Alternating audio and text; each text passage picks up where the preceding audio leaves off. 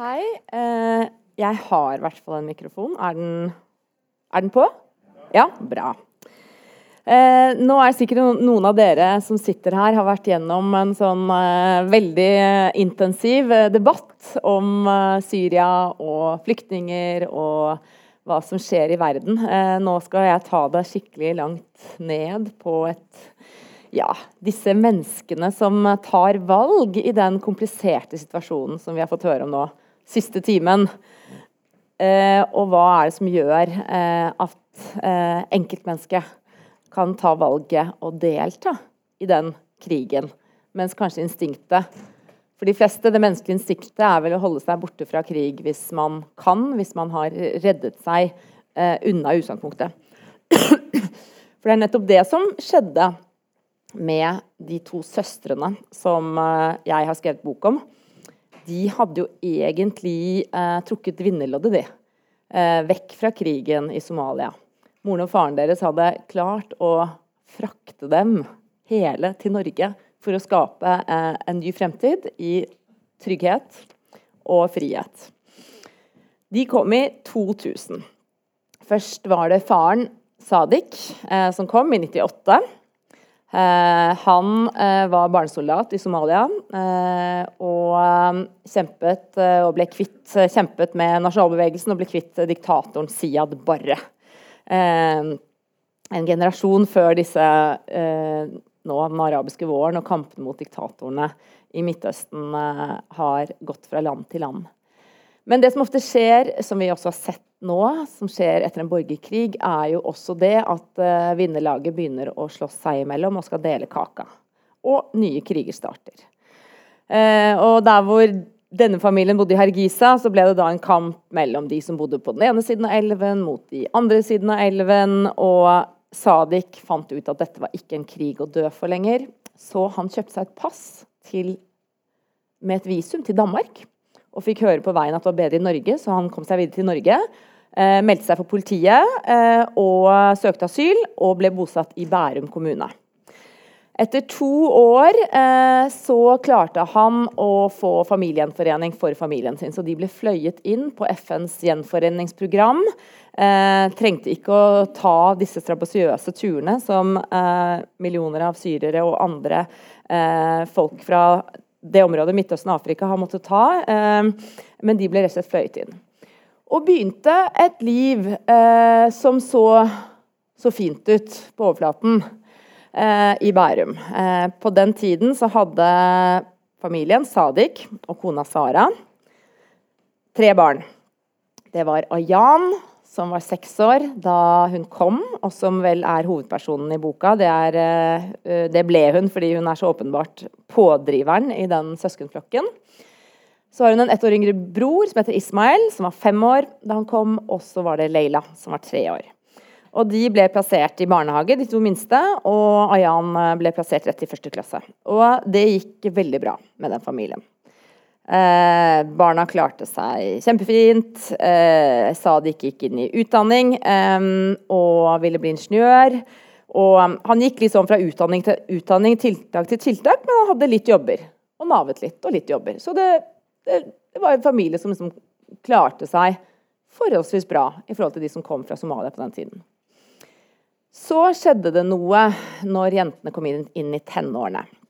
Fordi eh, barn eh, i, i, det vi ofte kan se på som altså, I eh, somalisk kultur eh, så er barneoppdragelsen ganske fri. Så barna var med på det samme som klassekameratene var med på med fotball og håndball, og de svømte i gymtimen, og de var med på stranda, og de gjorde det meste. Men når tenårene inntreffer, så var det da spesielt når det gjaldt jentene, eh, egentlig kun når det gjaldt jentene, at eh, mødrene ønsket å få dem litt tilbake inn i folden. Eh, de var redd for at de skulle få seg en kjæreste. Det var det aller verste de kunne tenke seg. Eh, så det som eh, skjedde når da du har en mor som eh, ikke sant, har ingen forutsetninger for å følge med på hva jentene holder på med i Norge. Hun, jo, hun var jo aldri på foreldremøter eller tok imot bekymringsmeldinger eller leste en lekseplan eller overhodet var med på noe. Så eh, når da Eh, hun skal ta, fordi at En annen ting som jeg lærte gjennom arbeidet med boka, her, er at det, i somalisk kultur så er det kvinnene som har ansvar for barneoppdragelse. Mennene er ofte fraværende. Eh, og Der oppstår det jo et problem i, i vårt samfunn. Eh, at du har mødre som skal ta valg på vegne av eh, barna sine. Og det er mødre som da ikke lever i den samme virkeligheten som barna.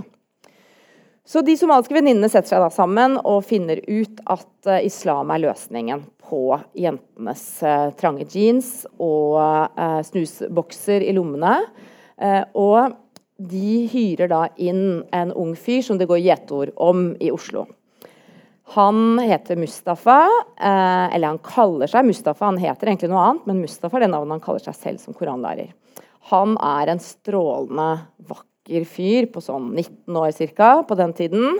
Eh, veldig flink til å undervise i Koranen. Han kan snakke om Muhammed sånn at han står levende fremfor barna og ungdommene for seg. Og han har fått en eh, bestilling da, fra mødrene, som er ikke bare undervise i Koranen, men også undervise dem i hvordan man skulle oppføre seg som ung somalisk jente. Eh, og timene begynner eh, med Mustafa. Da er det eh, Han har Undervisningen skulle gå på omgang hjemme hos familiene. Men bare med han og barna til stede. og da begynner første time ved at han deler dem opp, gutter og jenter. Og det er jo et av de eh, tingene som blir viktige her, er jo den segregeringen mellom kjønnene. Guttene på ene siden og jentene på andre siden. Og det er en av de småguttene som napper til seg en pute fra sofaen og får beskjed at vekk med den, her skal det ikke være behagelig. Her skal, være, eh, her skal man lide seg gjennom timen for å få en belønning senere. Og Det blir et annet sentralt poeng i eh, det som blir en senere radikaliseringsprosess, er jo da denne belønningen. Eh, og det er den guddommelige belønning. Det er ikke søndagsskolebelønningen med sånn smågodt eh, etter timen. Eh, det er eh, at hvis du gjør alt riktig i dette livet, så får du en god plassering i paradis. Så det som skjer eh, når du går eh, inn i en radikaliseringsprosess, som disse jentene senere skal gjøre, som er mest å regne som en religiøs vekkelse, egentlig, så er da ideen om, det, om etterlivet er veldig sentralt. Og dette livet er ikke annet enn en test hvor du samler poeng for å få eh, denne fine plasseringen. Og den beste plasseringen, ifølge Jans notatbok fra korantimene til Mustafa, den beste plasseringen i paradis, den får du hvis du dør i jihad. Hvis du dør som martyr, så vil sjelen din eh, fly eh, eller ta bolig i en grønn fugl som flyr opp til Guds trone og får lov til å bygge eh, rede i lyktene og lysekronene under Guds trone. Bedre plassering eh, får du ikke. Eh, og det er eh, her at det inntreffer en varsler i historien, den første varsleren, som er Ismail, broren i midten her. Som for det første syns at Mustafa var en irriterende type. Eh, veldig selvhøytidelig og eh, autoritær. Eh, og etter hvert så var det ikke bare at han var litt irritert, men han syntes det var ubehagelig. Den der romantiseringen av døden eh, som det er han som satte ord på, den eh, fornektelsen av livet her og nå, livet i Vesten ikke minst, ikke sant? og forakten for, for livet her og nå, og, og de mer um, de gledene eller de frihetene man har i Vesten, det var, var etter hvert ubehagelig. Og etter hvert så begynner han også å lefle med, med Al Qaida, med Al Shabaab, som er den somaliske terrororganisasjonen. Um, så han går til moren sin og sier at mamma, vet du hva, Mustafa støtter Al Qaida. Dette her går ikke. Uh, og hvor uh, moren bare føyser han vekk uh, og sier at du må ha hørt feil. Uh, og det er en annen ting som jeg har lært uh, somalisk kultur, uh, er at Og det er ikke jeg som sier det, men de sier det selv. I somalisk kultur så skal du ikke lytte til barna. Det er foreldrene som bestemmer. og det er ikke den her i Norge så har vi en veldig sterk tendens til å høre hva, hva mener du, var det ikke noe bra, var læreren slem? Men i somalisk kultur så hadde moren bestemt seg for å like Mustafa og koranlæreren, som hun jo selv hadde betalt det for. Um, så det varselet ble på en måte ikke tatt alvorlig. Så de eh, timene fortsetter, eh, og mens Ismail blir mer og mer frastøtt, så blir jentene mer og mer tiltrukket. Og budskapet her er jo eh, det som får jentene til å endre seg sånn i det ytre. Eh, og når det gjelder en Vi har jo det uttrykket å være praktiserende muslim. Og det er egentlig et godt uttrykk, fordi islam er også en veldig praktisk religion. det er veldig mye Hvis du skal være rettroende praktiserende, så er det ganske mange ting som du skal gjøre. Derfor er en, en radikaliseringsprosess veldig tydelig. I motsetning til en Anders Behring Breivik som sitter på gutterommet sitt og hvis han en sjelden gang går ut, så er det ikke noe synlig tegn. med Han, han har på seg de samme klærne, han har den samme frisyren, han spiser den samme maten. Det er ikke noe trekk, det er ikke noe praktisk eh, som tilsier at han har gått i en ekstrem retning. Mens når det gjelder da eh, jentene i vår historie, så er det jo først er det jo det som mye blir debattert i Norge. Hva har de på hodet sitt? Uh, og da er det jo ikke sant, De vokser opp med en hijab, går de alltid med. Uh, men uh, også når de hadde den trange jeans-perioden. Men nå er det da lange skjørt. Vekk med jeans, lange skjørt. stadig mørkere farger. oppå den hijaben så var neste skritt noe som heter en jilbab, som er mer en sånn Dere har sikkert sett det, nå kan dere navnet, når det er liksom en sånn tunika eller ponchoaktig hettelignende sak som går her, som, da, eh, som viser neste skritt i rettroenhet eller i dydighet.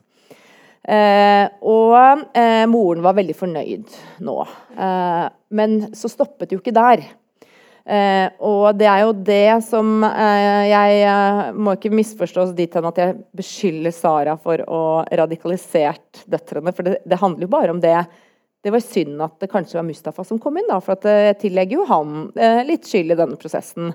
Men Sara ville jo bare at de skulle bli som henne. Og hvem av oss vil ikke det, at døtrene våre skal bli akkurat som oss? Eh, det er vel det beste. Eh, så, eh, men så går jo de mye lenger enn henne. Så hun var jo der veldig stolt over døtrene som ikke gjorde noe galt, og som gikk i moskeen, og som i tillegg til kledningen også da ble mer altså praktiserende, i betydning f.eks. bønnetider var viktig. Eh, fem ganger om dagen, men til oppsatt tid. ikke sant? De aller fleste muslimer som ber fem ganger om dagen, klarer å tilpasse det. Eh, ikke sant? Hvis du eh, tar det litt senere hvis det ikke passer. Men disse jentene ble veldig rettroende. Om det var midt i en mattetime eller midt i en elevprestasjon, så var det rekke opp hånden og gå ut og be. Og det fikk de lov til veldig lenge. fordi at eh, Det som jeg i hvert fall har funnet ut i de ulike skolene de eh, gikk på i Bærum, eh, så ble de møtt med en veldig stor velvilje og en veldig stor eh, kompromissvilje fra lærerne. at eh, vi må tolerere. Vi må ikke undertrykke noens eh, religionsutfoldelse. Så de fikk lov å, å, å gå ut. og eh, En periode så hadde de også til og med nøkkel, en nøkkel til et sånt lite bøttekott eh, som de kunne være i fred eh, når de skulle be. da. Eh, så da har du de tingene som selvfølgelig ble veldig synlige. Eh, og så var det sånn skritt for skritt at Men det med segregering ikke sant? Jeg kan jo egentlig ikke ha gym, for jeg risikerer å komme borti en gutt. Hva gjør du da? Skal man skal man la folk ikke ha gym? Eh, det går jo ikke, for det er å bryte skolens lover og regler. Og lærerne prøvde hele tiden å tilpasse dette her med, med gymmen. Da, at kanskje de kunne holde seg litt unna taklinger. Men så var det jo også problemet at uh, musikk er jo også noe av det som blir haram. Vi har uttrykkene halal og haram. Halal er det som er lov. Haram er det som ikke er lov, eller det som er synd. Musikk er uh, for ytterliggående muslimer er, er, haram. Så da var det også litt problem i gymtimen hvis det er musikk som spilles i oppvarmingen. Da måtte de også gå ut. Så fikk de gå ut. Til slutt så endte hele den derre eh, der, eh, Bare for å ta det eksempelet, da, i og med at det også er noe som blir debattert. Hva skal man gjøre med, med de som ikke kan ha svømming eller kroppsøvning med resten av klassen? Så fikk jo da Ayan, som var først ute, fikk lov til å å trene, for skolen hadde et lite treningsrom, eh, på sin egen sånn ergometersykkel eller spinningsykkel i alle disse gevantene sine. Hun skulle få lage sitt eget treningsprogram, måle progresjon i eh, styrke og i kondis osv. Og, så og så skulle læreren lage en, en, eh, en karakter basert på det. Eh, men Ayan ble bare mer og mer sint, fordi hun ville jo ikke ha tilpasning. Hun ville ha fritak. Fordi at Ayan i boka. Hun er jo egentlig en uh, politikertype som vil endre Norge. Eh, ikke sant? En forkjemper for politisk islam. Eh, og da går det på det at hun vil at religion skal bli en grunn til å frita skum, ikke sant? istedenfor at det blir tilpasset henne.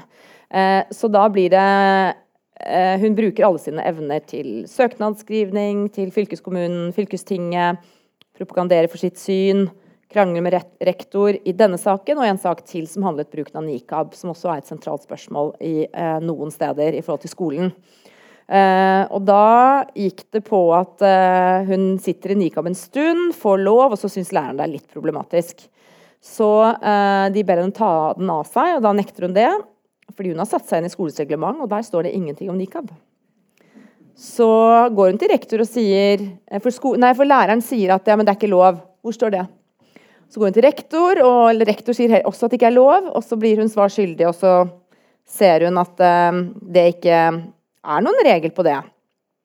Og som hun sa til meg, rektor, da, i etterkant, altså egentlig så var hun veldig imponert over Ayan. Fordi hun setter seg inn i saker, hun setter spørsmålstegn ved det. Hun søker, ikke sant? hun går de riktige veiene. Hun, hun startet en underskriftskampanje både for, altså for å bruke nikab. Eh, og eh, at hun på en måte tar i bruk da, demokratiets, eller levdemokratiets eh, muligheter og rettigheter i den kampen hun har. Eh, det hele ender med altså I mellomfasen var at rektor heldigvis finner nederst i skolereglementet, så står det elever må følge rektors instruks. 1-0 til henne i første omgang. Eh, så Pga. disse søknadene så blir det jo en sak i Akershus fylke. Eh, fylkestinget eh, mot slutten av skoleåret, det siste skoleåret som Ayan er eh, i Norge, avgjør at det ikke er lov å bruke nikab i norsk skole. Det er vel bare Akershus fylke som har det vedtaket enn så lenge. Eh, og da viser Ayan en ny side ved seg selv eh, til rektor. Eh, og den, Da skriver hun i en mail at jeg har vist deg all mulig velvilje i denne saken. Ikke forvent det heretter. Og da blir rektor litt redd, og det er første gangen hun blir. Så da ringer hun politiet og melder dette, som videre bringer dette til PST. Og for å finne ut om er dette her en jente vi skal holde under oppsikt. Men det er første gang hun blir redd, fordi hittil så har de bare syntes synd på disse jentene. Fordi de tror ikke at det er deres, de tror ikke at det kommer fra, fra dem. Og det er igjen kanskje vårt, eller i Norge, eller om det er media eller storsamfunnet, så har vi en sånn idé om at innvandrerkvinner og jenter er undertrykt. Det er sikkert en mann, det er sikkert en imam, det er sikkert noen som står bak. Eh, og I Akershus fylke så hadde de på denne tiden, 2012-2013, så hadde lærerne eh, fått opplæring i og gått på kurs og fått brosjyrer og materiale fra myndighetene. Når det gjaldt innvandrerjenter, så må man se opp for tvangsgifte og kjønnslemlestelse. Så da leste de selvfølgelig alt dette her inn i den konteksten. For det er det som var det man snakket om på den tiden. Dette, ikke, dette er før radikaliseringen eh, var liksom virkelig eh, satt i gang. De som var på det forrige panelet. Eh, det var jo, altså 2012-2013 så var jo Syriakrigen fremdeles eh, Selv om den hadde storpolitiske eh, trekk utover, så var det jo en, en, en, krig der borte som ikke angikk så mye den enkelte troende her hjemme. Men eh, Så man, man leste alt som skjedde med jentene, som om det er sikkert foreldrene. Se nå, når de, når de, kledde seg, eh, når de kledde seg, begynte å be, så var det sånn Det er sikkert forberedelse til den tvangsgiftingen. Det er sikkert eh, Nå er de i ferd med å sendes til Somalia for å kjønnslemlestes. Så det var ingen som hadde fantasi til å tenke at dette var jentenes verk. At dette var sterke jenter som på en måte eh, var drivere i sin egen skjebne. Og det er de jo så vitterlig, fordi moren og faren var jo støttet jo ikke den radikaliseringen. De, et lite skritt. De vil gjerne ha det med de lange skjørtene og eh, ikke på klassefester og sånn. Men de ville at de skulle da, som jeg sa, skulle stanse opp der. Eh, I dette bildet så er jo eh, Jeg har nevnt koranlæreren, som er en slags første stasjon eh, her. Og så er det flere andre stasjoner, og en stasjon som da skjer underveis her, det er en organisasjon i Oslo som heter Islamnett som er en muslimsk eh, ungdomsorganisasjon. Som har, ifølge dem selv, har de flere tusen medlemmer. De har ikke noe åpne registre, så det er vanskelig å vite, men det kan de helt sikkert ha. Eh, fordi på møtene deres så kommer det gjerne 500-700 når de har de store konferansene sine. Eh, og det er ganske unge medlemmer. Eh, tenårene, ofte både til og med tidlig tenårene. Eh, og det er en såkalt salafistisk eh, organisasjon. Og salafisme det er, et, det er en samlebetegnelse, men det betyr eh, strengt tatt de, eh, de, som følger de tre første generasjonene etter Muhammed. De som kjente Muhammed, de som kjente noe som kjente han, eller de som hadde hørt at de som kjente noen som hadde, hadde, kjent han en eller annen gang. Så er det ikke troverdig lenger. Da har du liksom Det er det som er retta, de som levde litt på den tiden. Så på sett og vis så er det Og det er jo en, en bevegelse som har utspring i, uh, i Gulfen. Uh, Saudi-Arabia, smurt med saudiarabiske oljepenger. Uh, som da har Det er ikke bare Europa, men over hele Midtøsten, Afrika, Asia, så er det en sånn en nyreligiøs, puritansk, ultrapuritansk bølge som er, ja, som er innenfor denne salafisme-paraplyen. som f.eks. wahhabismen i Saudi-Arabia.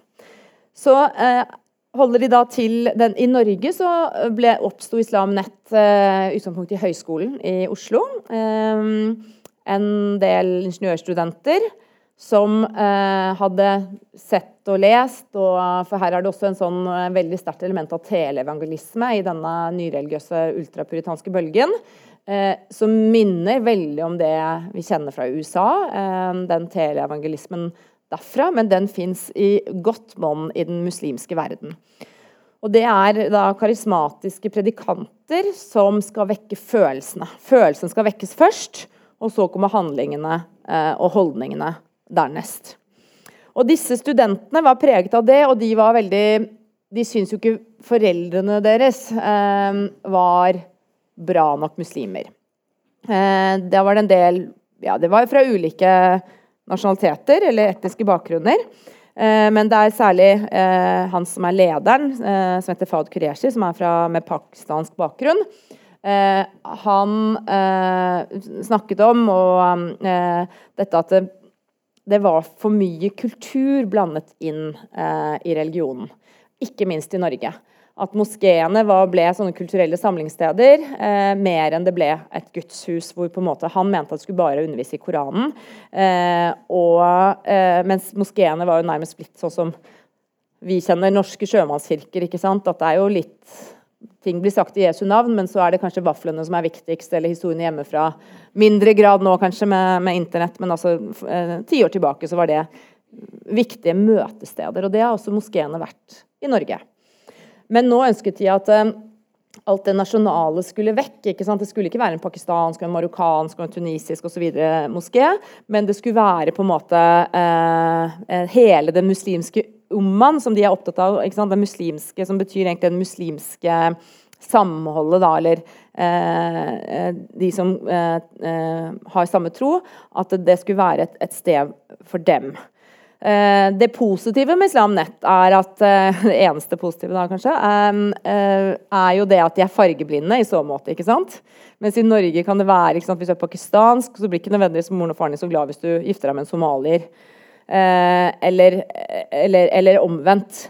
Men her var det på en måte religionen som skal være i, i fremsetet. Så Islam Nett har jo også blitt en sånn veldig sånn ekteskapskrekkingsanstalt for en del av de rettroende muslimene i Norge. Så for å beskrive noe for dere som ikke har vært på de møtene eh, Det ligger på nettet. Det er ganske interessant å se hva som foregår. Da er det jo f.eks. et sånt rom som dette. Eh, de sørger jo alltid for at de er steder med to innganger, så her har det vært litt vanskelig. Fordi gutter og jenter kan jo ikke ha de samme inngangene.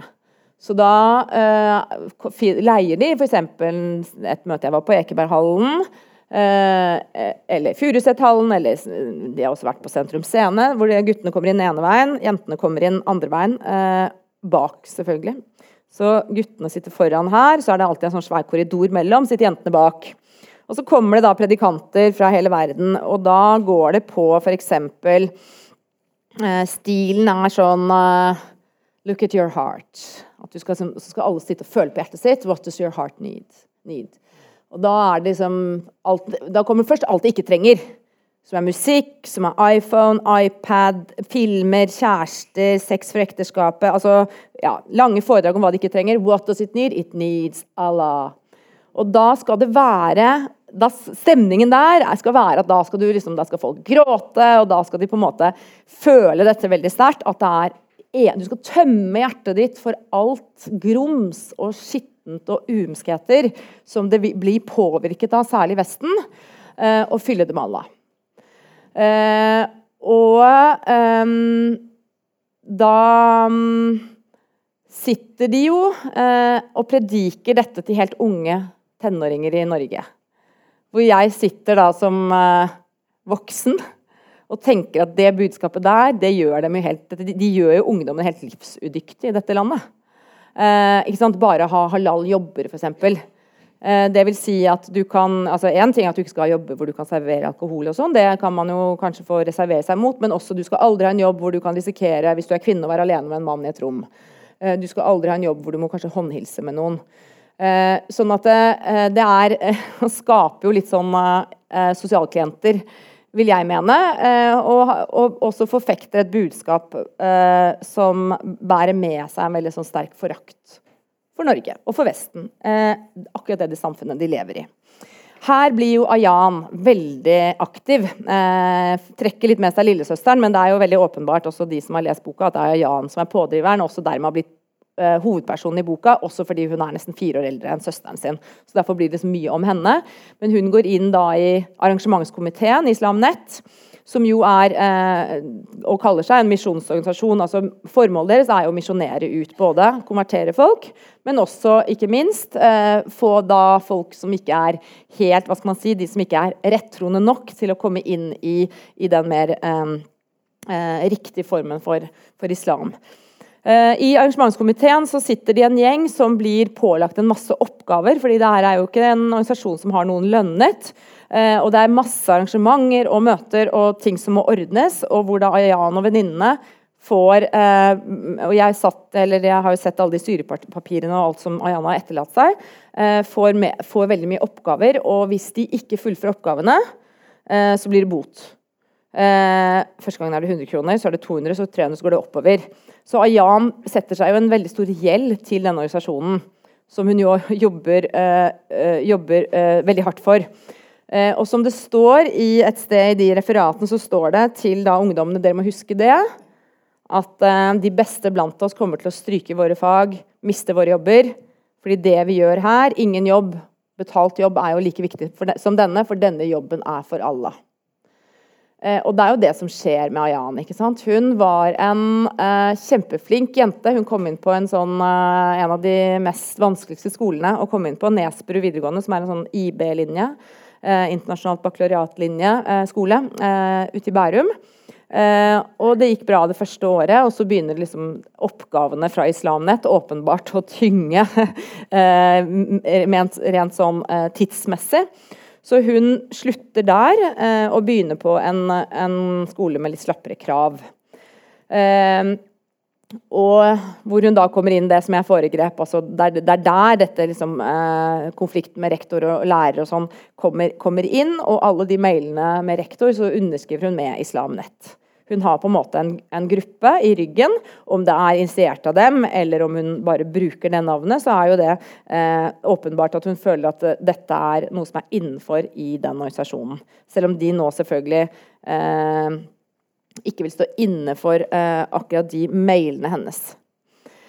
Så der har vi stasjon nummer to. Eh, og så er det jo en svær stasjon etter det som heter Internett. Så der kan du finne absolutt hva du vil.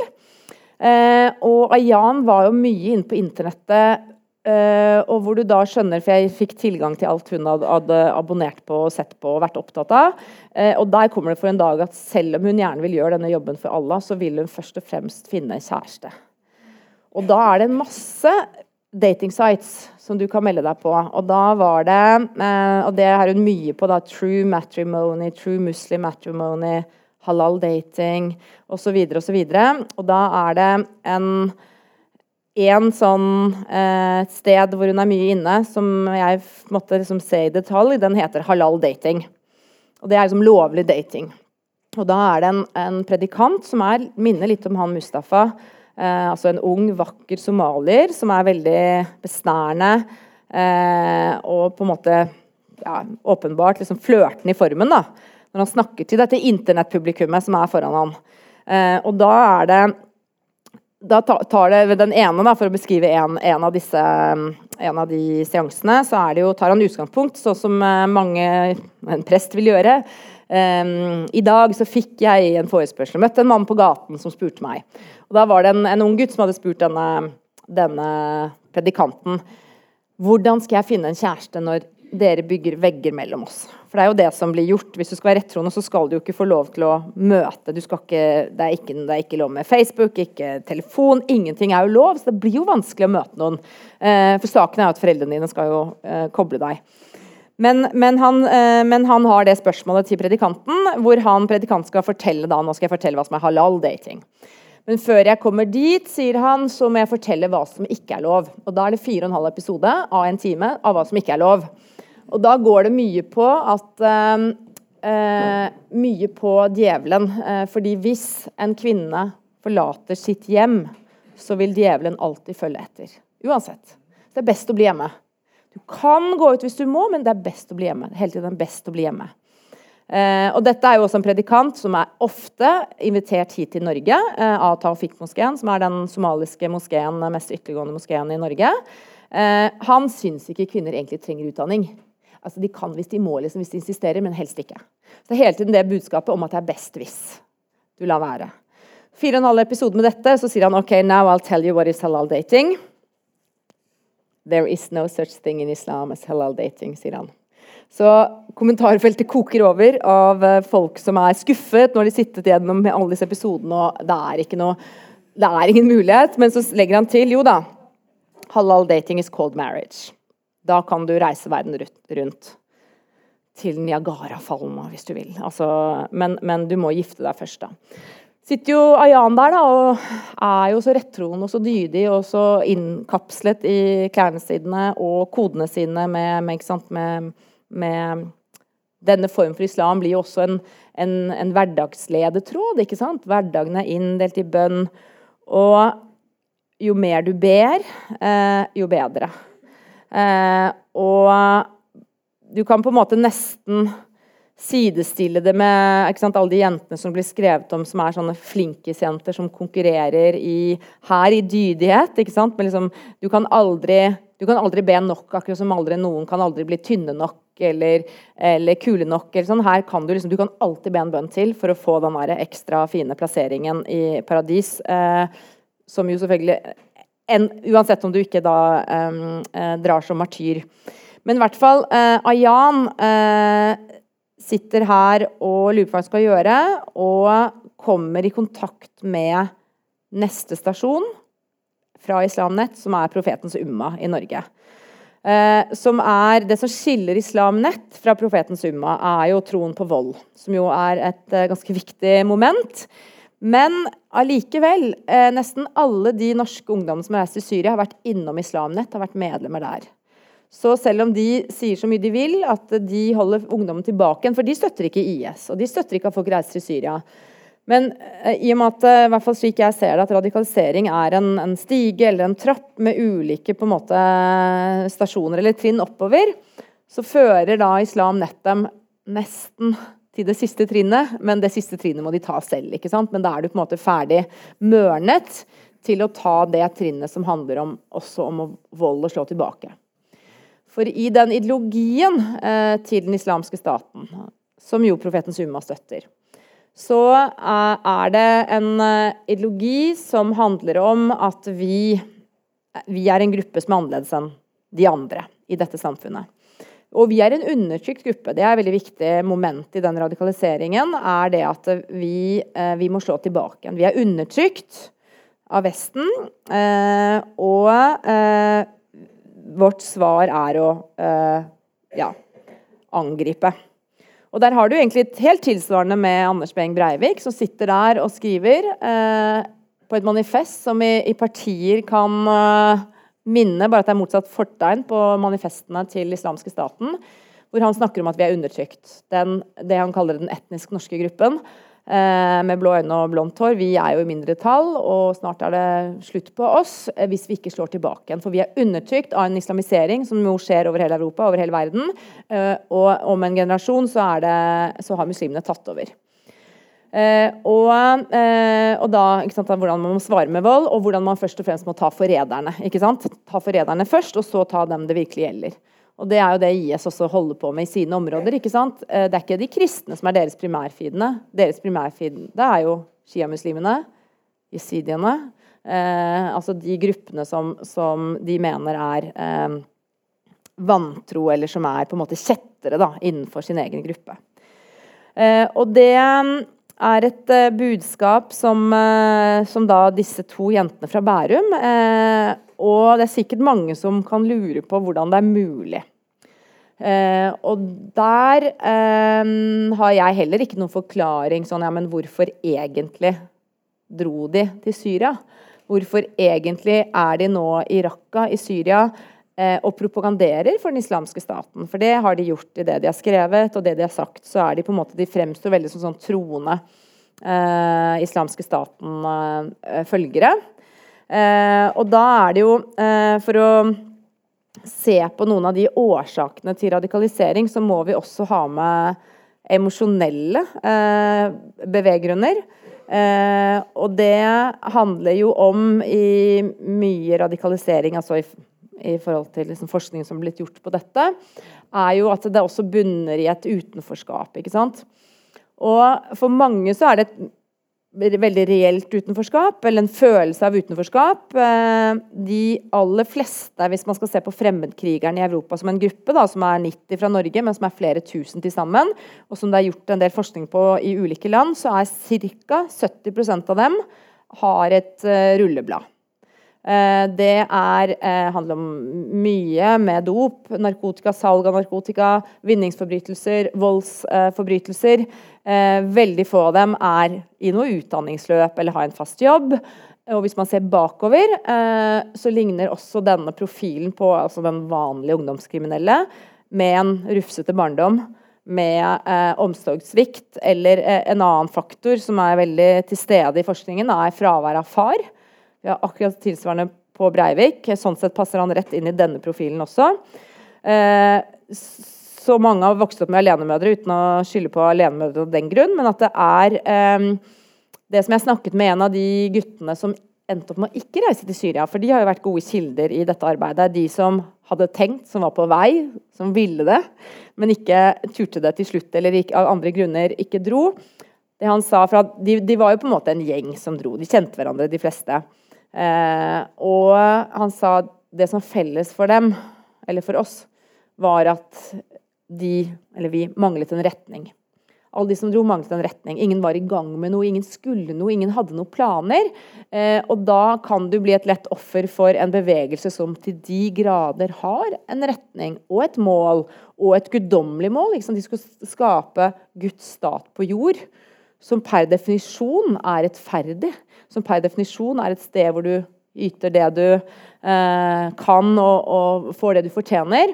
Eh, og at eh, jihad på en måte fordi det er sant, fordi det er rett, fordi det for dem er da blitt udiskutabelt rett, eh, når du har gått såpass langt ut i en radikaliseringsprosess, så gir jo det en retning, og det vil gi altså på en måte Jihad gjør alle personlige problemer små for en stund. Eh, ting vil uansett alltid komme på overflaten, også i Syria, som det gjorde med veldig mange.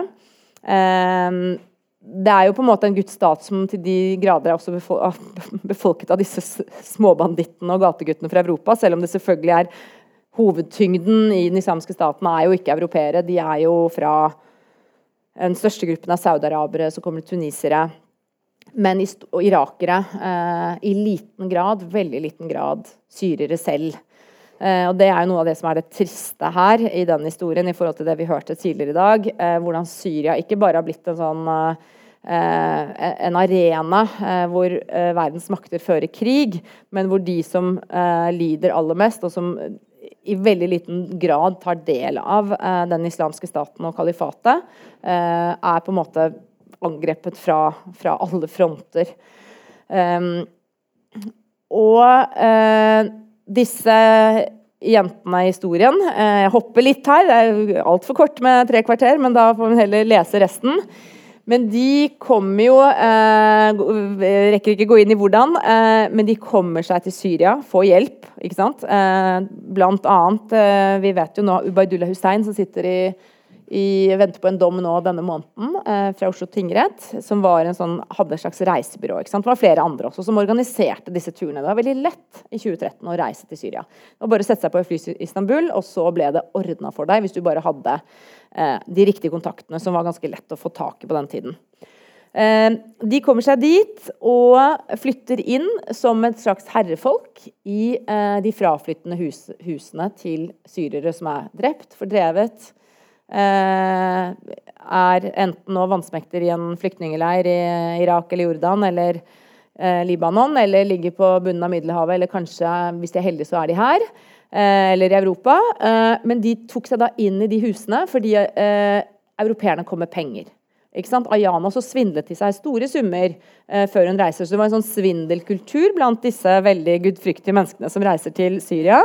Fordi det er også del av jihad å ta og stjele fra det landet som er et vantro land. Så det, eh, det, er mange måter å, Det er veldig lett å svindle deg til penger hvis, du, har, hvis du ikke har tenkt å komme tilbake noen gang. Altså sant? Ta opp forbrukslån og kredittkortlån og ja, den type ting. Kjøpe ting du ikke har tenkt på på avbetaling og sånn. Eh, som du selger. Men ehm, de tar seg da inn i disse fine villaene, og Ayan skriver hjem til broren sin. Kjempeglad for å få denne fine villaen som har, har, alt hun trenger. selvfølgelig. Den har alt, bortsett fra de som bodde der.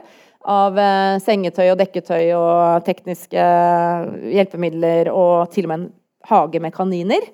Og en liten katt. Men hun har på en måte, som hun skriver, det beste av alt er tanken på at dette er tatt fra de vantro. Så det er denne jenta som liksom står på kravet for nikaben sin i Bærum, eh, og som eh, kom seks år gammel til Norge. Drar når hun er 19.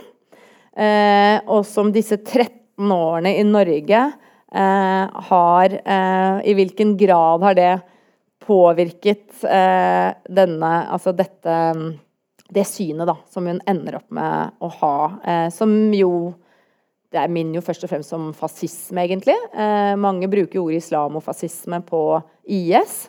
Ikke sant? Den der tanken om at vi er et herrefolk som kan undertrykke andre, som kan sette vår, eh, vår tankemåte på andre. Ikke sant? Mens eh, eh nazistene ville utrydde jødene, så, så vil jo også islamske staten Det er noen grupper som bare skal utryddes, som, som jesidiene f.eks., eller da kampen mot sjiamuslimene.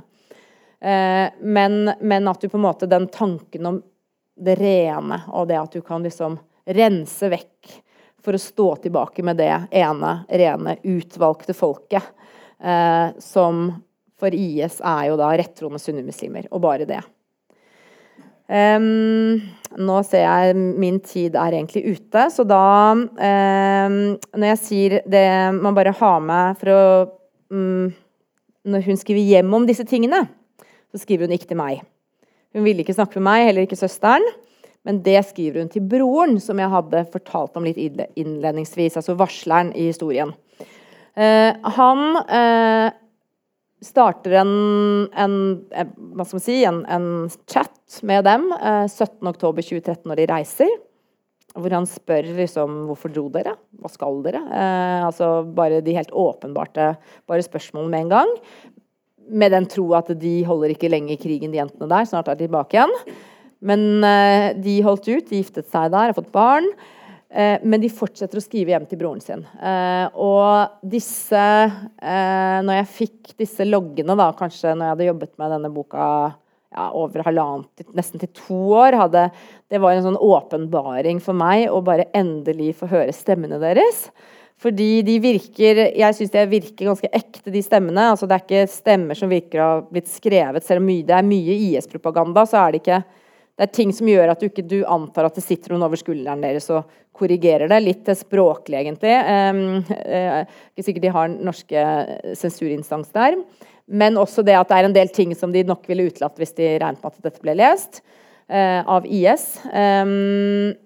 Um, mer sånn personlig forhold, eh, men hvordan de har en sånn tone som er som blanding av eh, meningen med livet leting etter sannhet, altså veldig sånn liksom ungdomshøytravende. Guds eksistens. Eh, til eh, veldig sånn hverdagslige ting. Og så er det mye sånn søskenkrangling, men også søskenkjærlighet. da. Eh, hverdagslige ting er sånn plutselig fra, fra liksom, meningen med livet kan gå til eh, du, Det bildet du sendte meg, har du retta på håret ditt? Eh, har du gjort noe, liksom, har du klippet deg? Eller altså At det går fra liksom, veldig sånn høytravende til, til helt eh, prosaiske ting.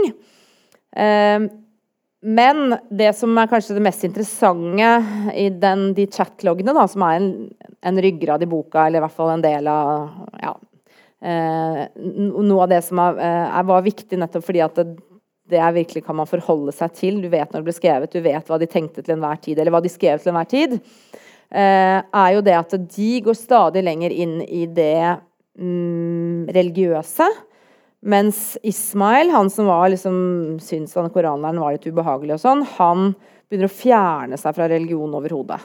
Så skritt for skritt så skriver han jo det at han har jo ikke egentlig noe mot religion, men når han ser hva det har gjort med jentene, med søstrene hans, så begynner han å gå mot det hvor de prøver å overbevise han igjen, og han begynner å lese sånn Christopher Hitchens og amerikanske eh, gudsfornektere eller eh, religionskritikere som han sender dem da i linker og foredrag, mens de sender IS-propaganda.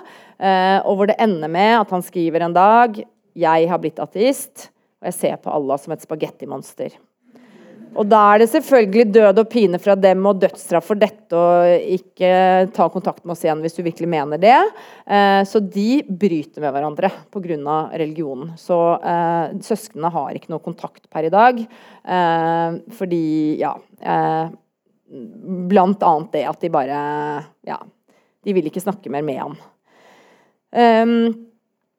Og eh, for å binde opp noe med da jeg begynte med Sara, moren, for å liksom ikke la henne eh, bare flyte ut med den eh, hyringen av koranlæreren. For hun tar et nytt valg for de andre barna sine. ikke sant? Eh, hun har mistet to døtre til IS. Hun har mistet en sønn, slik hun ser det, som har blitt frafallen. Eh, for henne er de to tingene like ille. Eh, og en dag så drar hun til Somalia og tar med seg de to minste barna. Som var to gutter til som gikk i barneskolen, for å redde dem fra Norge. Fordi hvis du vokser opp i Norge, så blir du enten ekstremist eller ateist. For det er hennes erfaring. Så hun tok dem tilbake til Somalia for å gi dem en sunn uh, religiøs oppvekst der. Uh, kom tilbake nå, akkurat nylig, uh, men ble der i to år med dem. Um, og igjen et valg som bunner litt i manglende uh, integrering, hva man skal kalle det. Uh, hun tar to barneskolegutter ut av norsk skole som allerede strever. Uh, har dem to år i Somalia uten skole, kommer tilbake igjen, og da blir du plassert i ditt alderstrinn, der hvor du slapp. De går nå i 5. og 8. klasse. Minus to skoleår. Så du, hun har jo på en måte, eller hun igjen dette, Jeg snakker ikke bak ryggen hennes, dette har vi snakket om. det er jo oppskriften på å skape skoletapere. Så um, igjen, uh, integrering, for å ta det veldig kort, gå gjennom språk. Og det går gjennom uh, selvfølgelig uh, arbeid og utdanning og sånne ting, men, men her har vi liksom et eksempel på en familie som på mange vis um, Selv om det står mye om at disse jentene er så godt integrert, men hvor integrert er du hvis ikke du har en mor som er integrert? ikke sant? Og veldig, det er veldig viktig å ha med hele familien i, i det her. Eh, som handler om å bo i dette landet. Um, men da tror jeg bare avslutter uh, her. Uh, boken er selvfølgelig gjennomlest av uh, alle i familien og godkjent. Inkludert av Sara, selv om det kommer litt kritikk. og um, er De syns at De syns faktisk at de har fått en god respons, fordi at dette var en familie som var veldig uglesett av eh, det somaliske miljøet da jentene forsvant. ikke sant? Der har vi en familie, har ikke kontroll på døtrene sine. Eh, så fikk de kjeft fordi de hadde meldt fra til politiet, fordi ingen norsk politi hjelper somaliere, mente man da på sosiale medier. Eh, og altså, de mente Sadiq var for liberal, og Sara fulgte ikke med. Men når da hele historien har kommet frem, så har de liksom fått sier de selv, hvert fall, fått en, en, en ny eh, Når de har liksom fortalt for historien sin dybde, en ny forståelse også i somalisk miljøet. Så jeg har fått mye faktisk mange gode tilbakemeldinger fra somaliske miljøet. For der tenkte jeg liksom, jeg var veldig redd for at det skulle virke som jeg kritiserte en hel gruppe. Men det har ikke skjedd. Men det er ett miljø som helt, sitter helt stille i båten og sier ingenting, og det er Islamnett og Tawfiq-moskeen, eh, hvor koranlæreren Mustafa kommer fra. Der hadde jeg også ventet at eh, nå kommer det storm, og de kommer til å si det er ikke sant, det var ikke slik, det er feil. Altså en variant av fake news som nå eh, er overalt. Men altså, det er jo den beste kritikken du kan komme med, at det stemmer ikke. Men eh, de har gjort selvfølgelig eh, det eneste lure for dem, det er å ikke si et pip. For da forblir den kritikken i den boka. Og når de blir invitert til debatter og ulike ting, så syns de ikke det er nødvendig. Eh, fordi de vil, at, de vil, heller at den kritikken skal stå i en bok, enn at den skal stå i VG eller på Dagsrevyen eller på Dagsnytt 18.